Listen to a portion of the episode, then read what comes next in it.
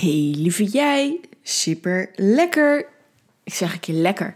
Lekker dat je weer luistert naar een nieuwe thema 2. En zoals ik gisteren heb gedeeld, ga ik vandaag een beetje verder over mijn bevindingen van een socioloze week. Gisteren ging die over afleiding. En vandaag ga ik iets meer vertellen over wat er precies boven is gekomen. Sinds ik dacht van oké, we gaan even eerlijk zijn. Wat is er allemaal met je aan de hand, om maar even zo te zeggen. Uh, en toen ik eigenlijk klaar was om te zeggen van joh, die afleiding, nu is klaar. Nu gaan we intunen, nu gaan we voelen. Nu ga ik voor de spiegel zitten, gewoon net zo lang tot er iets komt. En er is die week eh, veel gekomen. En het is ook een. Ik raad het dus echt aan als je luistert en denkt, ja, weet je, er zit weerstand. Want ik had heel veel weerstand om van de social af te moeten. Dan weet je, dit gaat me ergens brengen. Want die weerstand is er niet voor niets. Die weerstand, die zegt namelijk, zie je, daar moet je eigenlijk heen. Het is hetzelfde als je gaat solliciteren voor een nieuwe baan. Ja, is ook weerstand van, ja, wat als nou dit. Dus weerstand is voor mij goed. Dan komt er echt een, een, een mooie groei aan. Um, dus een mooie groei. Dus dat, ik raad het je helemaal aan. Maar het was dus een hele hobbelige week. Want ik merkte ook, weet je, als ik echt naar mijn gevoel ga en me echt door me heen laat stromen, ging ik die week echt van, ja, van echt down, deep down, uh, huilen. Maar ook weer het andere moment, omdat het gewoon door je heen stroomt. En het hoeft allemaal niet per se meteen iets. En het hoeft niet per se iets te betekenen. Het mag gewoon door je heen stromen kon ik daarna weer lekker aan het dansen zijn en dan weer helemaal happy voelen. Dus het was echt up, down, up, down, up, down. Dus ja, en dat is misschien ook wel een beetje mijn karakter. Ik heb mijn tweelingenbaan, nou, twee kanten, die zijn er sowieso heel erg. En dan heb ik ook nog veel vuur en veel water in me. Dus dat is altijd zo boom, boom, boom, boom. Nou, lekker duidelijk dit. ik heb het over de astrologie. Maar um, waar ik op een gegeven moment achter kwam, is dat ik even hè, ging flow schrijven. Dat is fantastisch. Je moet gewoon je pen op papier zetten en ga maar schrijven. En ik merkte dat ik uiteindelijk eruit kwam dat ik dacht van... hé, hey, ik, ik had heel wat opgeschreven en ik dacht, ja...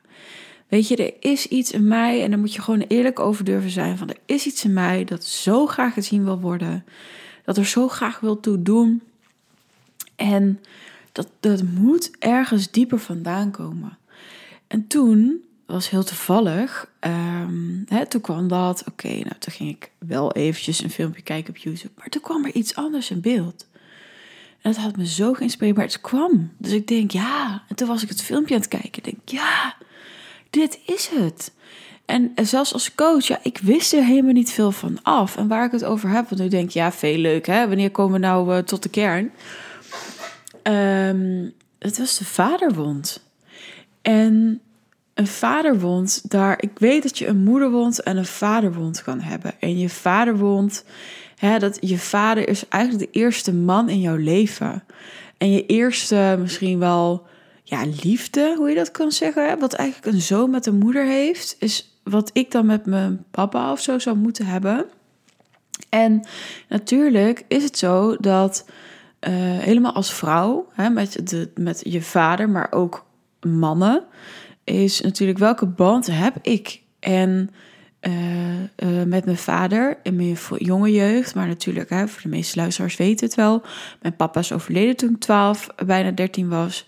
Ja, wat doet dat met je? En dit heeft heel veel te maken, de vaderbond, met je eigen waarde, met je seksualiteit. En als je vrouw bent, ook dus je beleving van vrouw zijn. En dit beïnvloedt dus ook de relatie als vrouw dus, met, uh, met mannen ook hoor. Maar uh, hoe ik, wat ik even eruit heb gehaald, is natuurlijk de band met vader-dochter of moeder-zoon is vaak net wat anders en heeft dus soms wat meer impact. Maar relatie met je moeder en zus en andere vrouwen, die, ja, die kan daar dus ook verstoord te worden. En dat wist ik helemaal niet. En zo'n vaderbond, dat kan je dus tegenhouden om een bewust of een vrij of een krachtige man of vrouw te zijn. En zonder dat je de hele tijd maar bezig moet zijn met ik moet van alles of ik wil mezelf laten zien. En eh, de relatie met je vader heeft dus heel veel invloed. In de zin van, hè, eh, ben je altijd een soort van gedragen door je vader? Hè, ben je altijd een prinsesje geweest? Of was er gewoon helemaal geen emotionele band? Hè? Was die band gewoon afwezig? En het is de laatste tijd, merk ik, en dat vind ik ook best wel gek, is dat er ja, meer ruimte komt voor mij om nog dieper te kijken naar mijn moeder en mijn vader. Maar in het um, voor nu met mijn vader. En ik merk dat ik heel lang gewoon een tijd zat. Ja, oké, ik weet het wel. Die rouw is voorbij. En dat, dat voelt ook wel zo. Maar ik merk dat ik word getrokken naar... hey, hoe was die tijd? Uh, wat heb ik daarvan kwetsuur op mijn hart? En hoe voel ik me hierover? Dat er meer ruimte voor komt. Nou, dus daar kwam ik achter. En ik wil graag met je delen... Uh, wat de vaderwond uh, ja, kan doen. Hoe, hoe uitzicht dat? Dat wil ik graag eventjes met je delen. Dat is gewoon een lijstje. Dus dat lees ik even voor. En misschien is er wel een voorbeeld van mezelf en misschien niet. Maar wil ik heel graag delen. Nou, onzeker zijn en bevestiging zoeken. Voor überhaupt wie je bent, maar misschien ook je vrouwelijkheid. En dat vind ik zo grappig, want ik herken dit zo. Weet je, ik word steeds uh, ik, ik heb steeds meer vertrouwen in mezelf. Maar soms kan ik echt verschieten in een relatie met: hey, hoe zie ik eruit? Hoe vind je me eruit zien? En dan wil ik heel graag die bevestiging. En dat schijnt dus iets uit die vaderwond ook te zijn. Nou, gevoel van eenzaamheid, omdat je vader er niet voor je was of dat hij niet bereikbaar was. En dan dacht ik van, hé, hey, Kijk, ik weet, mijn eenzaamheid, daar zitten diepere lagen in. En het is ook een uh, levensuitdaging om uh, alleen te kunnen zijn zonder per se eenzaam te voelen. En dus ook connectie te houden met de bron. Want dat is voor mij eenzaamheid. Dus als je helemaal uit connectie bent met de bron, voel jij je heel snel eenzaam. Maar schijnbaar is het dus ook een stuk dat uh, dat door die vaderbond wordt, uh, vaderbond wordt getriggerd, omdat hij er niet was. Voel je snel eenzaam en ben je eigenlijk op zoek naar, hè, of dat bevestiging is, die liefde, die erkenning, die aandacht, en voel je dat dus sneller. Nou, verwarring in de erotiek of de relaties die we hebben, de intieme relaties. Nou, volgens mij heb ik dat wel eens gedeeld in een podcast. En zo niet, dan je weet, ik ben alles altijd heel eerlijk. Ik heb echt een probleem gehad met mannen. Weet je, ik ging voor de aandacht, ik ging voor de korte plezier. Ik liet echt wel misbruik van mezelf maken, gewoon om die erkenning te krijgen. Dacht ik, boem, weet je, het kon me zoveel puzzelstukjes werden op, op de, in de puzzel gelegd dat ik dacht, oh, dit is het, dit is het, dit is het. Nou, geen duidelijke grenzen en jezelf weggeven. Nou, dat heb ik net letterlijk gedeeld. Hè? Uh, misschien voel je, voel je dat ook weer van jezelf. En ook als je een man bent, misschien ben je makkelijk in relaties. Hoe ga je er dan mee om? Um, sterke loyaliteit aan je vader, voor hem willen zorgen, probleem met eigenwaarde, zelfrespect en zelfvertrouwen. Nou, die, die zei ik net al, die zijn er steeds meer. Maar ik heb daar echt wel problemen mee gehad. Ik ben echt um, in, in mijn jongere jaren, maar ook misschien wel nog tot, ja, ik denk zo drie, vier jaar geleden denk ik dat ik echt heel weinig eigenwaarde had, zelfrespect en ook zelfvertrouwen. Dat heeft echt moeten groeien door mezelf beter te leren kennen.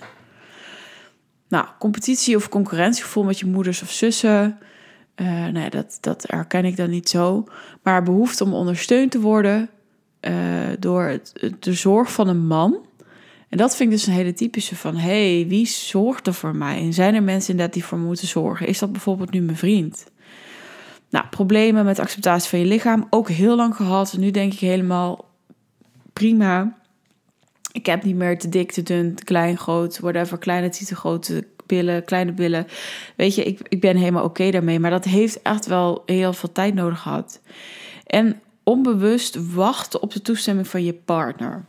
Die staat er ook nog bij in het, in het lijstje.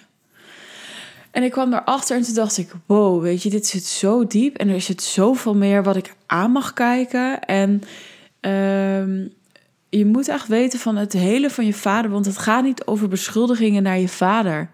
Weet je, want het zijn patronen die eh, generatie op generatie worden doorgekeken. Maar het vraagt je wel van, joh, wat was mijn relatie met mijn papa? Welke inzichten heb ik in de patronen of in krijg ik in de patronen die wij hadden? Uh, welke keuzes maak ik op dit moment? En herken ik gewoon dingen van het rijtje wat ik net heb genoemd? Hoe doe ik dat in mijn leven? En durf ik dus ook dieper te kijken? Want het is natuurlijk ook een, een, een patroon. Kijk, het is veel makkelijker om bevestiging te zoeken bij je partner, bij je vrienden, bij je, bij je collega's, dan te kijken van, oh wacht, fuck, ik ben hier echt onzeker en ik kan hier nog niet op mezelf vertrouwen en ik zoek het dus buitenaf. Het is veel krachtiger om te kijken van, hé, hey, hoe kan ik dat voelen? Is er iets wat er doorvoeld mag worden? Is er iets wat ik aan mag kijken? Hoe sta ik daar tegenover? Um, dus dat vraagt ballen. En op het moment ben ik ook een beetje aan het zoeken uh, naar wat wil ik hiermee doen. Ik had namelijk iets gevonden, heel gaaf, een drieluik. Een drieluik van de vaderwond van de, en de moederwond kun je ook doen en de kinderwond. Toen dacht ik, oh, dat is tof, maar dat ging uh, tot en met 2022 niet door. Dus ik ben ook zoekende, want ik wil hier heel graag iets mee. En dat wil ik je ook meegeven als je het herkent. Want dat heb ik ook zo mogen merken zonder die afleiding. Dat mijn ziel hier echt naar verlangt. Dat ik hier meer uh, body wil aangeven. Dat ik, dat ik hier dieper op in wil. Om ook weer mensen hierin te mogen begeleiden. Maar eerst, ja, I know, eerst naar mezelf. Maar het lijkt me zo mooi om dat bij iemand te kunnen herkennen en te kunnen zien. Net zoals ik het nu bij mezelf heb herkend. Dus daar ben ik nu naar op zoek. En dat is ook hoe ik met dingen omga. Is oké, wat is er nodig? Oké, dit is er nodig. Dit ga ik ook doen. Daar ben ik heel eerlijk in. Uh, net zoals bijvoorbeeld dat ik in deze week, uh, of de socioloze week, dat ik dacht van ja, weet je, Vee, je Engels is zo gebrekkig. Als ik moet spreken, weet je, ik heb gewoon angst om te spreken, omdat ik altijd zo'n struggler ben en dat ik moet nadenken en het, het is gewoon niet fijn. Dus ik heb ook besloten, joh, Engels cursus, boem bam, inderdaad, ga ik doen. Maandagavond heb ik die ingepland nu, ga ik gewoon meedoen en ik hoop dat mijn niveau gewoon snel beter wordt. Uh, maar dat is wel hoe ik werk, omdat ik anders iets wel weet, maar wat doe ik er dan verder mee? Hè? Je kan inderdaad meditaties doen online en healings natuurlijk ook. Maar ik vind het wel fijn om uh, ja, daarmee aan de slag te gaan.